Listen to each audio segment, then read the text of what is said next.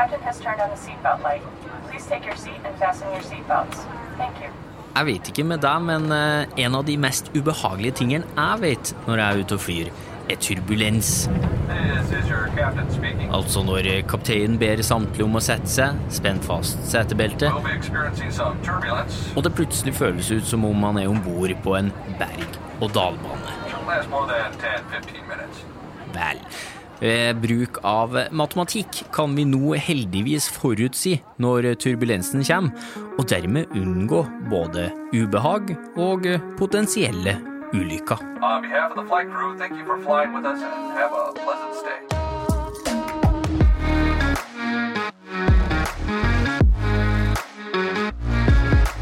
Du hører podkasten Smart forklart med Aksel Faanes Persson.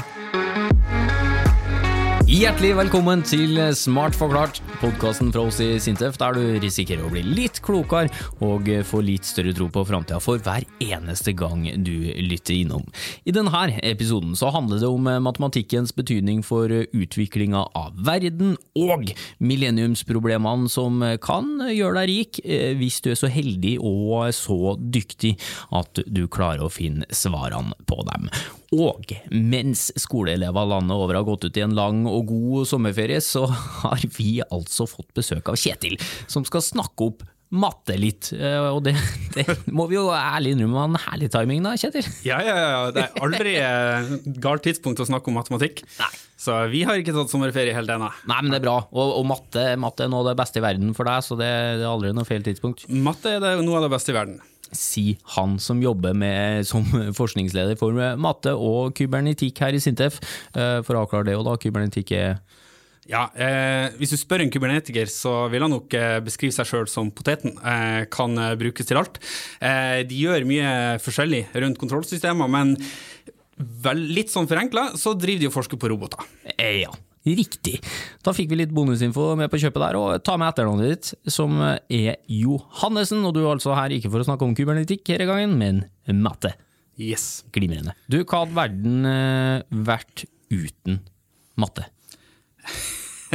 Bare for å starte med et du, lite Du spørsmål. åpner, det er, du åpner friskt. Jeg vil ikke si at det var et lite spørsmål. Eh, Det, det er nok ganske mye som hadde vært, eh, vært annerledes. Eh, Og det kommer jo også an på hvor du trekker, trekker linjene her, da. Eh, Men altså, for å snakke om noe, noe litt konkret her, da, så er hele det moderne samfunn, grunnsteinene og teknologien er jo bygd opp på matematikken. Eh, helt siden 1600-tallet og Newton og Leibniz så har liksom matematikken vært språket til fysikken. Det er naturens språk og måte å fortelle oss hvordan den oppfører seg. Eh, Så det er klart at ingen av den teknologiske eh, utviklingene, som er elektronikk og månelandinger og ja, hele det moderne samfunnet, hadde nok eh, vært ganske annerledes eh, om vi ikke hadde, hadde hatt matematikken for å beskrive dette her. Ja, Vi kunne f.eks. ikke sittet her og spilt inn en podkast uten matte, Nei, det kunne vi på ingen måte. fordi Det er mye bygd på digital eh, teknologi, eh, og PC hadde ikke funnes. Nettverket her hadde nok ikke funnes. Internett hadde ikke funnes. Telefonene hadde ikke funnes. Ja, og et liv uten telefon eh, ville ha vært litt kjedelig for mange av oss, så takk til matematikken for all mulig utvikling. Men, eh, men det er jo litt sånn artig, for uansett hvor langt vi har kommet da, allerede er eh, takket være matematikken, så er det en del matteutfordringer vi ikke klarer å løse, ennå i hvert fall. Eh, Sju av de her er samla til noe som kalles millenniumsproblemene, og nevnte i starten her nå at det er noe som kan gjøre deg rik, hvis du da lykkes med å løse disse her millenniumsproblemene. Eh, Hva er, hva er det for noe? Yes, Dette her er jo eh, et initiativ som ble satt i gang av Clay-instituttet ved overgangen til det nye millennium. Da tok de og skisserte ut syv problemer som er det som de anser som de største utfordringene eh, innenfor matematikken.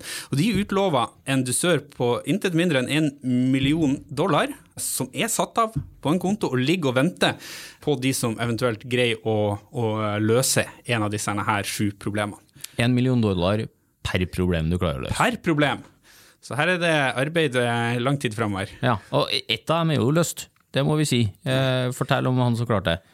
Jo, disse her problemene er jo da ikke eh, uløselige. Et av dem ble løst i 2010 av en russer ved navn eh, Grigori Perelaman.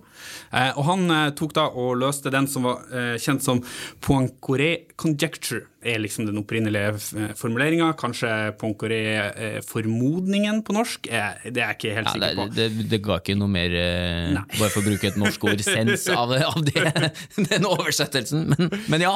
Ja, Eh, problemet er nok litt teknisk akkurat dette her, da. Eh, og det går på formen til, altså geometriske strukturen til forskjellige objekter.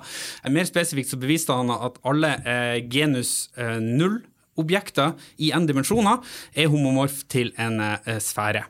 Eh, på folkemunne så oppfører alt sammen seg som en, en ball. Og alle egenskapene som du har der, f.eks. hvis du går eh, rundt eh, objektet, så kommer du eh, tilbake til starten, i motsetning til et flatt papirark der du bare detter ut. Og dette her er jo da litt vanskeligere å bevise i høyere dimensjoner, når du går utover tre dimensjoner, som er den, den vanlige verden vi lever i, men han beviser da for n dimensjoner. Eh, det som er litt sånn spesielt med han eh, Grigori, er jo denne her eh, bakgrunnen hans. Fordi at når han skulle motta denne her premien på, på 1 million dollar Han ble invitert til Paris til å stor ståhei. Mye pomp og prakt. Eh, så nekta han å, å dukke opp eh, av forskjellige årsaker. Han ville ikke ha den millionen million Nei, Nei, Det, det ville han ikke. Han var en, en, en sær type, for å si det mildt. da. Eh, så dette her var jo Han ble jo en eh, medieyngling. Eh, ikke fordi at han hadde løst et av millenniumsproblemene, men rett og slett fordi at han var litt eh, Eller omstendighetene da, rundt, eh, rundt premien. Ja. ja, men eh, han skal ha for at han løste. Eh, Bra. Eh, Men det betyr jo da at seks av de her millenniumsproblemene fortsatt står uløst. da. Eh, Og du og andre forskere i Sintef jobber spesielt med to av dem. Eh, ikke nødvendigvis for å, å vinne de der premiepengene, sikkert. Du hadde, du hadde tatt imot, du? eller? Hvis Jeg hadde ikke takka nei hvis jeg hadde snubla over løsninga.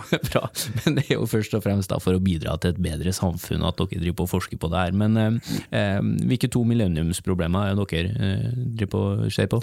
Ja, så vi tar ikke nødvendigvis å forske direkte opp mot det, som du sier, at eh, vi prøver ikke å løse det, men dette her er ting som vi må forholde oss til da, eh, i vårt daglige virke. Så, eh, så et av de eh, er jo det problemet som er kjent som eh, P versus eh, NP, eh, og det handler om hvor vanskelig er det for en datamaskin å løse problemer. Og P betyr da polynomisk, som folkemunne kanskje er lett, og NP er non-polynomial, som da er ikke lett. ja, da har du et eksempel, da. ja, så, eh, og denne her er en, en bred klasse med problemer som er av denne typen. Et av de eksemplene er rett og slett så banalt som å sette opp uh, tippeligaen i norsk eh, fotball, og, og, og distribuere kampoppsettet. eh, til dette her. Det viser seg at denne her er et uh, NP-komplett problem. Altså en del av den vanskelige klassen. Ok. Millenniumsproblemene sier noen ting om spørre fins det en snarvei som gjør at man kan løse disse her riktig, eller raskt, mener jeg. Og hvis dette her eh, er tilfellet, så finnes det snarveier man kan ta. Men eh, jo, tilbake til tippeligaen. For å ta og løse eh, dette her kampoppsettet, så tar man og gjør dette her i, i to ledd. Først så finner man ut at hvem som skal spille hjemmekamper og bortekamper. Og dette her er overraskende vanskelig, hvis man ikke tenker for hardt på det. Eh, Jeg vet ikke hvor ofte du gjør sånn her podkast interaktiv, men vi kan ta og prøve et, eh, et lite eksperiment her, da. Ah, spennende. Så hvis du som lytter eh, nå prøver å sette opp eh, kampoppsettet for en bitte liten turnering, eh, eller en liga, på fire lag, og så sier du at de skal spille annenhver kamp hjemme borte. Og så prøver du da å sette opp dette her. Hvem er det som skal spille kamper mot hvem? Sånn at alle sammen annenhver gang spiller de hjemmekamp, annenhver gang spiller de bortekamp. Men ikke prøv for lenge på dette her. Nei, sett på pause nå, og så prøver du i noen minutter. Og så kan du sette på play igjen. For det viser seg nemlig at uh, dette her problemet er umulig å løse uh, på dette her. Og det kan jo hende at uh, du som lytter greide å resonnere deg, deg fram til dette her. da. Det skal ikke så mye til, du må prøve og feile litt da. men sannsynligvis så kommer man fort til den slutninga at dette her ikke, ikke lar seg løse. Og dette her er liksom, allerede nå så gjør du første steget av sånn som vi jobber med matematikk i Sintef. Vi tar og tester ut sånne her hypoteser, og så tar man og beviser en slutning. Og det beviset kan være en logisk oppbygning av argumenter, eller så kan det være mer komplekst. Så det som man må gjøre da, i Tippeligaen, er at man setter opp kamp, kampoppsettet. Man prøver så godt man kan. Man setter opp hjemme borte, hjemme borte, med unntak av én, eh, eller kanskje to, som får lov til å ha bortekamper på rad. Eh, og da kan dette her løses. For det er 16 klubber vi snakker om i Eliteserien. Jeg googla nå mens du snakka. uh, og det, hvis det er vanskelig å sette opp fire lag i en turnering, da, og, og 16 lag, og det skal gå over ganske mange måneder her, og det skal være rettferdig, som du sier, det skal være annenhver gang ja. Det er mange hensyn å ta her. Eh, det er 16 eh, klubber, som du sier. 30 kamper når du har hjemme borte på alle. Åtte parallelle sesjoner. Dette her skalerer litt opp, men det som er fint nå, da, når du har kommet så langt, er at du kan sette tall på dette her, da. Du setter rett og slett tall, og så setter du et entall hvis Ålesund skal spille hjemmekamp i runde én, og så setter du en null hvis Ålesund ikke skal spille hjemmekamp på runde én. Og så har du en lang tabell med alle mulige plasser Ålesund kan spille kamp.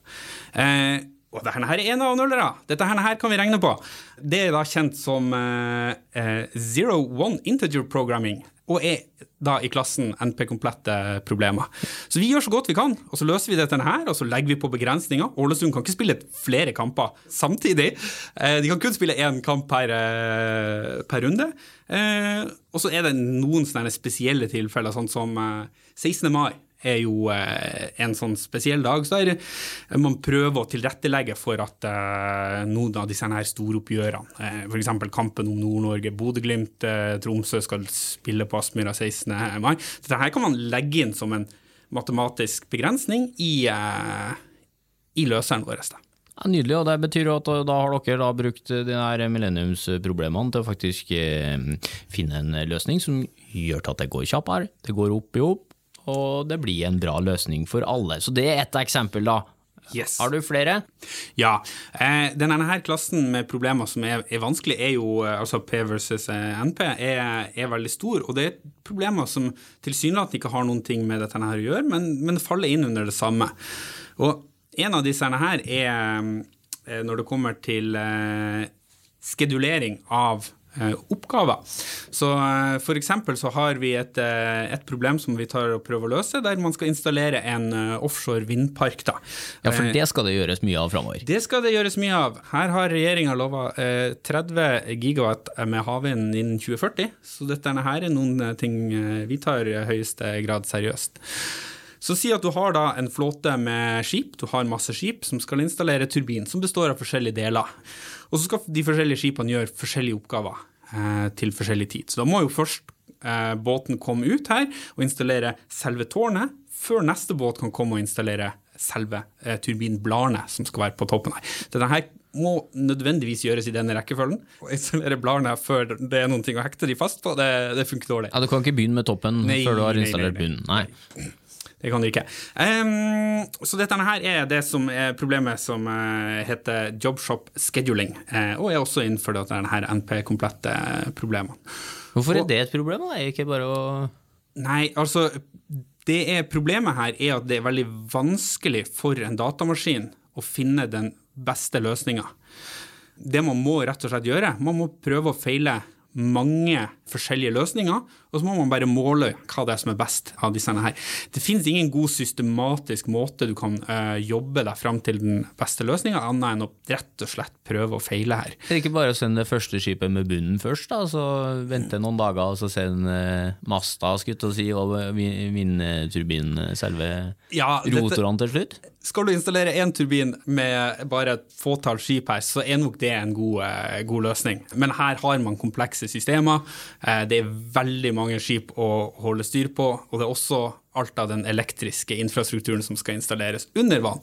Eh, F.eks. kabler og, og substasjoner og den slags. Ja, Så skal ikke jeg skryte på meg at han klarte det der sjøl om det var én turbin det var snakk om, for jeg sliter når jeg skal på butikken og handle og huske på alt som skal være med der, så ja da, men eh, ok. Så da, da bruker man altså eh, matematikk til å få denne logistikken til å gå opp, sånn at tida blir brukt best mulig, er det du sier?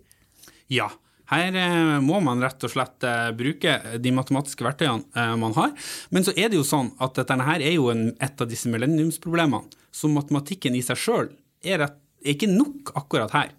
Her må man prøve å, å tenke de kloke tankene også. Du må rett og slett bruke litt kreativitet, litt heuristikker, rett og slett fordi at matematikken kan ikke løse dette her eksakt enda. Eh, vi håper jo at kanskje noen løser disse millenniumsproblemene, og da går det jo litt lettere. Men, men apropos vindturbiner, eh, vindmøller eh, det er, og vindkraft, det bringer oss også over i den eh, nummer to av utfordringer eller problemer som dere, dere jobber med. Ja. Et av de andre millenniumsproblemene som vi også må forholde oss til, er mm, eksistens og entydighet av Navier-Stokes-ligninger i tre dimensjoner. Ja, den, ja. Den, ja. eh, kort fortalt så sier denne her noen ting om hvordan strømninger eh, beveger seg. Og da kan det være ting som luft som strømmer seg, eller vann som strømmer seg. Si at du har en elv, eh, og du vet hvordan elva svinger. Eh, du vet hvor mye vann som går inn i elva. Problemet er da hvordan oppfører vannet seg i det det går gjennom elva her, da. Og av og til så er dette her veldig lett, sånn som hvis det er ei elv, så glir det som regel bare sånn sakte nedover her, da. Men av og til så er dette her veldig komplisert. Hvis du noensinne har vært i, i Saltstraumen eh, sør for Bodø Ja, jeg har vært der. Ja, Veldig stilig. Det Google det, du som ikke har sett bilder av det. og der er det sånne her massive vannmengder som skal ut fra eh, fjorden, Saltenfjorden, og ut i, uh, ut i havet. Og de skal gjennom et veldig, veldig trangt område. Og her er det ikke snakk om at du får en veldig fin, glatt eh, vannstrømning. Her har du virvler og eh, strømninger, og det går alle veier her, da. Eh, og disse her modelleres med, med Navier-Stokes-løsninger. Eh, og der er jo da dette her problemet er at ingen som vet om hvor mye informasjon må du vite nå for å kunne faktisk beskrive eh, eh, løsninga eksakt. Ja, Bruker du det for å forutsi ting, da, eller? Ja, og det er jo det som man nettopp gjør her, da, når man tar og jobber med sånne her eh, ligninger. Man greier ikke å løse dem eh, eksakt, litt pga. dette her millenniumsproblematikken, litt fordi at, mm, fordi at disse her ligningene er av den, den vanskelige typen generelt. Eh, og de brukes til å forutsi ting. Eh, som vi nevnte innledningsvis her, så er jo matematikk er jo naturvitenskapens språk, da, og sier om hvordan ting utvikler seg i tid. Eh, jeg liker av og til å presentere meg som eh, en, den moderne spåmann, Nostradamus, når jeg jobber med matematikken. Ydmykt. Yes. I realiteten så er det jo bare en viss begrensning av hvor mye man kan ta og, og forutsi her, da. Men ja. Men på vindkraft for eksempel, så kan du bruke det matematikk til å forutsi når, når det er mest effekt å hente ut av vinden, mest kraft å hente ut, eller hva er det man bruker til? Ja, fordi at uh, strømninger her er jo det samme, altså det samme uh, ligninga som gjelder for vannstrømninger i elv eller saltstrømmen, som det brukes til vindstrømninger i lufta. Eh, og dette er det her som er mest interessant for eh, vindkraft. Det er jo det å prøve å forutsi hvor mye produksjon kommer til å være eh, fra en, en spesifikk vindpark her, da. Vindkraft er jo fornybar ressurs, eh, og fornybar ressurs, eh, altså både vind og sol her, er, har litt eh, Variabel tilstedeværelse. variabel eh, produksjon, rett og slett. Det var godt sagt. Takk. Var det, mat, var et matteuttrykk? Variabel? Nært nok. Ah, ok, jeg tar den på plussboka. Nei, men altså, også er det liksom Det du bruker av eh, forutsigbarhet der, det bruker man også til å forutsi f.eks. turbulens, har jeg Ja. hørt. Dette her er jo også eh, ting som vi tar og eh, ser på, eh, og det går jo på vind rundt, eh, rundt flyplasser. Og der er det en del sånne her effekter som, eh, som kommer inn, eh, blant annet det at når vind drar over fjellformasjoner, eller åstopper, eh, så dannes det ofte sånne her virvler eh, og turbulens da, i bakkant av, eh, av fjellene her. Eh, og dette her er noen ting som, som beskrives da, av disse her ligningene. Og vi prøver så godt vi kan her å, løse disse her da, og, og gi prediksjoner. Rett og slett turbulensvarsel for, for flyplasser. Som sier noen ting om hvor trygt det er å, eh, lette eller å, å lande på flyplassene. Ja, fantastisk eh, hvis det kan bli enda mer behagelig for oss som eh, flyr og ikke er sånn kjempefan av eh, den ristinga som turbulens eh, medfører, og eh, berg-og-dal-bane-følelsen når det kommer et plutselig. Eh, Men, men er, det, altså, er det så farlig, ja? Turbulens? Ja, eh, det har vært ulykker eh, tidligere i norgeshistorien. Eh, det er en veldig eh, tragisk ulykke i Mehamn eh, på 80-tallet, da, der et eh, Widerøe-fly under landing eh, traff på uventa turbulens. Eh, det krasja, og samtlige omkom i dette her. Dette her satte i gang flere tiltak for å, for å forhindre nettopp dette her.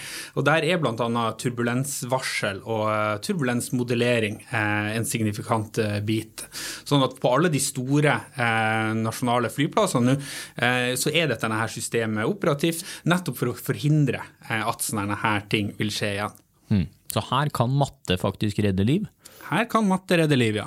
Nydelig. Eh, som flypassasjer så takker jeg deg for det. Du, eh, bare for, for å si da, de resterende millenniumsproblemene her, altså nå har vi vært borti nå må vi gjøre litt matte her da, ett eh, er løst, to jobbes det med av deg og dine her i Sintef. Det betyr at vi har um, tre, fire, fem, fire igjen, da. Fire andre, da er vi oppe i sju. Men, Yes. men hvorfor er det så viktig at vi løser de her sju matteproblemene?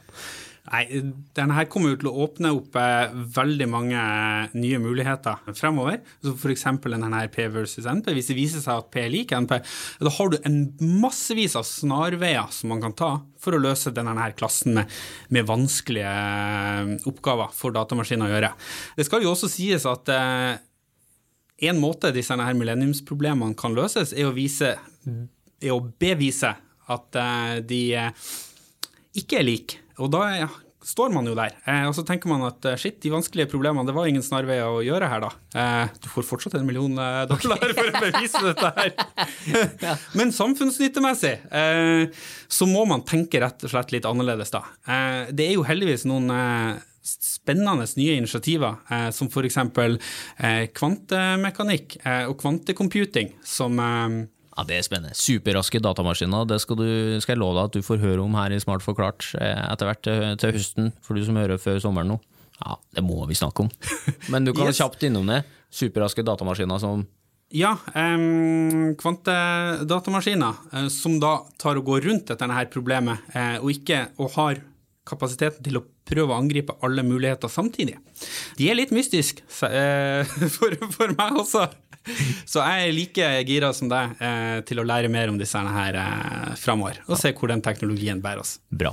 Men det gir oss eh, med andre ord ganske mange muligheter til å ta ganske mange store steg framover, da, eh, som verden og samfunn, hvis vi, vi klarer de her matteproblemene. Eh, Tror du noen gang vil skje at vi løser de sju?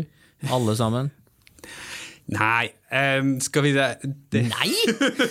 Det kan du ikke si! Jeg tror uh, definitivt at mange av de uh, blir løst. Uh, jeg skal ikke gå her og eh, garantere at alle sammen eh, blir løst, eh, men jeg er ganske sikker på at eh, mange av de eh, vil bli løst. De er jo fullstendig mulig, eh, det har vi jo allerede bevist. Eh, så her eh, er det nok eh, muligheter for å løse de. Ja, men det er bra. Og så er det jo bare artig hvis noen er med så eh, harde nøtter å knekke, at det tar litt tid før man får løst dem, da. Eh, du, men noen av dem da, som en gang i framtida kanskje klarer å knekke nevnte nøtt, eh, er jo talentene som deltar i matte-OL, som i snakkende stund er like rundt hjørnet. Arrangeres for første gang noensinne i Norge, i Oslo i juli 2022, da, eh, med Sintef som sponsor. og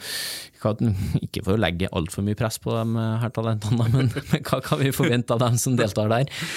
Nei, eh, vi forventer jo at de skal løse millenniumsproblemene. Såpass må det være hvis du skal vinne gull. Nei, det er nok eh, litt tidlig i karrieren eh, for dem. Eh, Men det skal sies at eh, mange av de som eh, tidligere utøverne her, eh, som har deltatt, har lang track record eh, og når veldig langt. Eh, Så dette her er kvalitetsfolk eh, som kommer. Og så syns jeg jo det er spennende at eh, Norge nå har OL for eh, første gang siden eh, Lillehammer eh, 94. Eh, Så dette her er verdt å merke seg, da. Kjempekult. og det er mange tidligere deltakere som har blitt store stjerner på, på sitt felt. da. Um, men mens vi snakker om det, da, altså, hvordan har matematikken utvikla seg? Er, det, er vi på en måte på samme sted som før, eller er det som alt annet i samfunnet at det òg utvikler seg? Nei, sånn som, eh, sånn som vi jobber med matematikken her, er jo typisk via, eh, via datamaskiner. Eh, man tar og treffer på problemer som man innser at denne her kan du ikke løse med penn og papir, og da må man finne en god nok løsning. Altså, mye av de samme prinsippene gjelder, men vi har nye metoder for å bruke dem? Vi har nye metoder for å bruke dem. Vi bruker datamaskiner eh, for å approksimere løsningene til dette her. Og det er for å beskrive da fys eh, forskjellige fysiske fenomener. Og dette her er gjennomgående i så mange forskjellige fagfelter at det ligger eh, grunnleggende ligninger eh, som beskriver fenomenene, og som vi da tar og prøver å, å løse for å, for å forutsi og lære mer om dette her. da. Ja, men eh, Gi oss litt mer innblikk, da, for nå er jo, du er jo over talentfasen. da. Eh, Ikke for å kommentere noe alder her, men altså, du, du, du jobber jo med matte, du forsker jo på matte. Altså, Yes. hvordan, hvordan jobber din gjeng i Sintef med matematikk?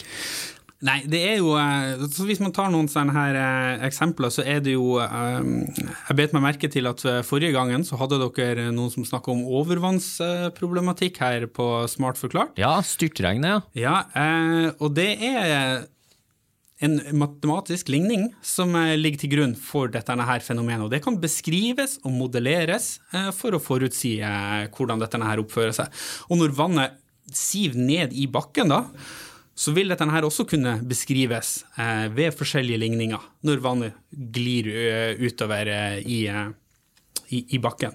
Og dette her er en sånn her gjennomgående tema at uh, også når du skal regne på uh, styrken til uh, bærende konstruksjoner, altså hus eller oljeplattformer eller fly, så er dette her ting. Det kommer inn differensialligninger her også, og disse her må løses. Og igjen, du kan ikke løse de på penn og papir, så vi tar i bruk moderne verktøy, datamaskiner, numeriske metoder for å løse dette her. Matte er viktig, eh, med andre ord utropstegn bakom. Eh, det. Men da tenker jeg at det er ganske viktig også, da, at vi eh, får de beste mattehodene opp og fram. Og jeg vet ikke om du da, har du, har du noen gode tips da, til hvordan vi som samfunn kan bli enda bedre på å knekke matteutfordringer? Ja, jeg syns at matematikken har fått et ufortjent dårlig rykte. Det er på en måte blitt sosialt akseptabelt å si at jeg får ikke til matte, jeg er skikkelig dårlig i matte. Eh, og dette her er eh, en eh, uting som jeg håper at vi kan som samfunn greie å snu, og at vi faktisk løfter frem de talentene og snakker bra om de som tar og vokser opp nå. Eh, fordi det er jo de som kommer til å være den neste generasjons teknologiutviklere, og ja, lede denne her eh, satsinga. Det er jo de som kommer til å løse eh, de store verdensproblemene framover. Ja. Det er folk som er gode i matematikk og i naturvitenskap og i, i IT. Så dette her er folk som vi, eh, vi skal ta vare på. Ja, hvordan skal du klare å snu den der ja, matte-holdninga? Altså. Jeg, jeg må innrømme, jeg hadde, jeg hadde den på ungdomsskolen, jeg også. ja, jeg tror nok vi, er, vi alle sammen har vært borti den. eh, det okay, til og med du? ja, jeg har vært borti den. Ja, det er altså. godt å høre. Um, jeg ser jo at det er jo eh, på, på bedringens vei her, da. Uh, altså TV-serier som um, Stranger Things uh, portretterer nå uh, da folk som er teknologisk og matematisk dyktig, uh, på en mye bedre måte. Eh, store eh, teknologiselskap og enkeltpersoner blir til større grad løftet fram. Så jeg ser jo at det er en eh, Vi er på bedringens vei, det er vi. Eh, men vi har fortsatt et godt stykke igjen å gå. Så eh, her er noen ting eh, som vi alle kan ta med oss eh, videre, og rett og slett snakke opp matte. Ja, og oppdag eh, viktigheten av matte, og at det faktisk er ganske artig. Ja, Konge. Skal vi bare avslutte med å si eh, heia matta? heia matte! Herlig. Takk for besøket, Kjetil. Det var hyggelig å ha deg her. Ja. Selv takk. Det var kosa meg. Ja, bra. Jeg òg. Eh, og så skal du ikke se bort ifra da, at du mottar hyllest fra mattelærere landet over etter denne episoden her. Eh, Takk også til deg som hører på. Har du lyst til å si hei til oss, så er vi bare en liten e-post unna. Send gjerne det du har av ris, ros eller innspill dit med adresse smartforklart alfakrøll sintef.no. Smartforklart i ett ord, alfakrøll sintef.no. Og vil du ha mer forskningsstoff fra oss, så finner du alltids noe interessant og nytt på sintef.no, gemini.no eller Sintef-bloggen.